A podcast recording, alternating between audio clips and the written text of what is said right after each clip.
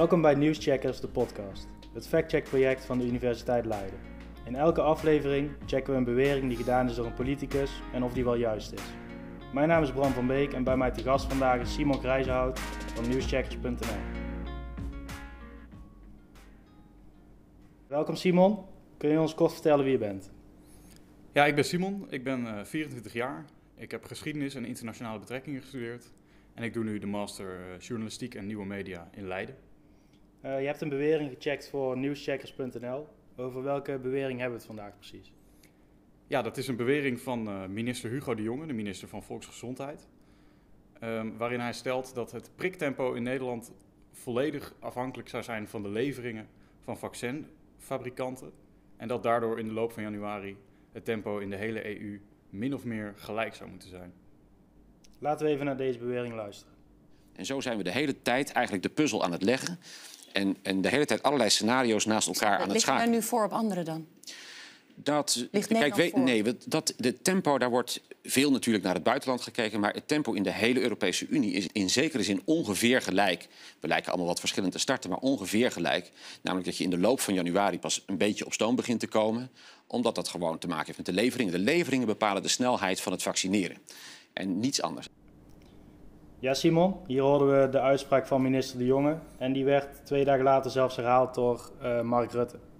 Wat we aan vaccins hebben liggen, wordt ook wat dan nu heet in het jargon weggeprikt. Hè? Zo, dus dat je geen voorraden hebt. Dus de, de mate waarin dat vaccin geleverd wordt bepaalt hoe snel je ook mensen kunt vaccineren. Niet de logistiek, die, die staat op dit moment goed overeind. Hoe kwam je op het idee om deze bewering te checken? Ja, ik zat op 6 januari zat ik naar Eva Jinek te kijken, naar haar talkshow bij RTL 4. En daar zat Hugo de Jonge samen met uh, Senna El Kadiri. En Senna was op dat moment uh, de eerste persoon van Nederland geworden die gevaccineerd was. Omdat zij verzorgende was in een verpleeghuis. Dus Hugo de Jonge zat daar eigenlijk om te vertellen over, over zijn triomf. Over het moment dat Nederland eindelijk was begonnen met vaccineren. Maar Nederland was wel later begonnen dan de rest van Europa. En daar had hij twee dagen daarvoor al zijn excuses voor moeten aanbieden. Er werd hem op dat moment uh, gevraagd of Nederland uh, op schema lag met vaccineren. Omdat, juist omdat we zoveel later waren begonnen. Daar zei Hugo de Jonge dus dat het, het, tempo in wezen hetzelfde was, omdat het tempo volledig afhankelijk is van de leveringen van de vaccinfabrikanten. Ik was hier ook benieuwd naar, omdat de Europese Unie gezamenlijk zijn vaccins inkoopt. Om elkaar niet te hoeven concurreren op de vaccinmarkt en zo een eerlijkere en snellere prijs te krijgen. De Europese Commissie verdeelt de vaccins naar het aantal inwoners van de landen. En heeft dat expres zo gedaan, zodat iedereen net zo snel en net zo vroeg kan beginnen. Maar toch was Nederland de laatste die hier begon. Je hoorde die bewering en je dacht, hier klopt iets niet. Waarom dacht je dat precies? Nou, ik dacht niet meteen dat het niet waar was. Um, maar ik vond het wel een nogal grote uitspraak. Dus ik dacht, dit, dit ga ik bijhouden. Uh, Nederland was net begonnen, maar eigenlijk in de, in de dagen daarvoor um, was het verschil tussen de Europese landen al best opgelopen. Uh, dus het zou zo kunnen zijn dat in januari alle landen qua percentage naar elkaar toe zouden groeien. Maar dat moesten we wel nog maar, uh, nog maar zien, omdat het op dat moment ver uit elkaar lag.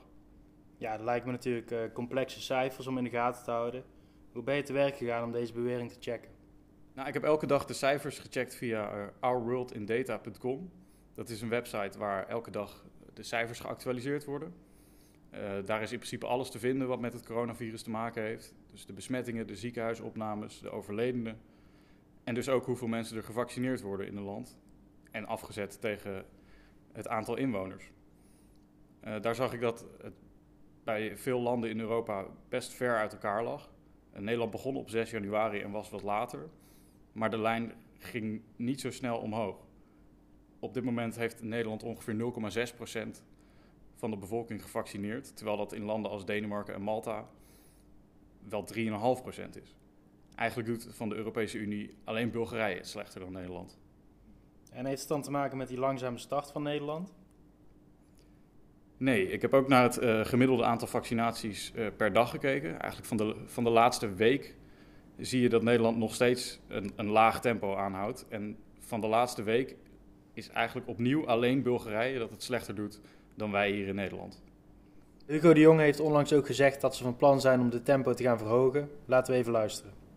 Maar ieder vaccin staat of in een bovenarm of staat in de agenda. Dat is het uitgangspunt. En wat we proberen te bekijken of we daar nog net iets verder in kunnen gaan... door ja, misschien nog net iets meer risico te nemen in het voorraadbeheer... zodat je nog sneller kunt gaan prikken. Ja, Simon, wat bedoelt Hugo de Jonge hier? Ja, Hugo de Jonge zegt hier dat ze meer risico willen nemen op het voorraadbeheer. Uh, op dit moment liggen er ongeveer 400.000 vaccins in Nederland en zijn er iets meer dan 100.000 mensen gevaccineerd. De mensen die gevaccineerd worden, die krijgen na drie weken krijgen ze een tweede vaccinatie om zo het coronavaccin optimaal te laten werken. Die vaccins die dus opgeslagen liggen, die zijn gereserveerd voor de mensen die al een eerste prik hebben gekregen. Zo worden alle vaccins die we hebben liggen weggeprikt, zoals Mark Rutte dat net zei. Als Nederland meer risico wil gaan nemen, dan kunnen ze die, die tweede prik kunnen ze uitstellen van de derde naar de zesde week. Zo kunnen de vaccins die er nu liggen, kunnen meteen gebruikt worden voor andere mensen om hun eerste vaccinatie te krijgen. Dit zou kunnen verklaren waarom andere landen sneller vaccineren dan Nederland, omdat zij dit al lang deden. Dus wat is je eindoordeel?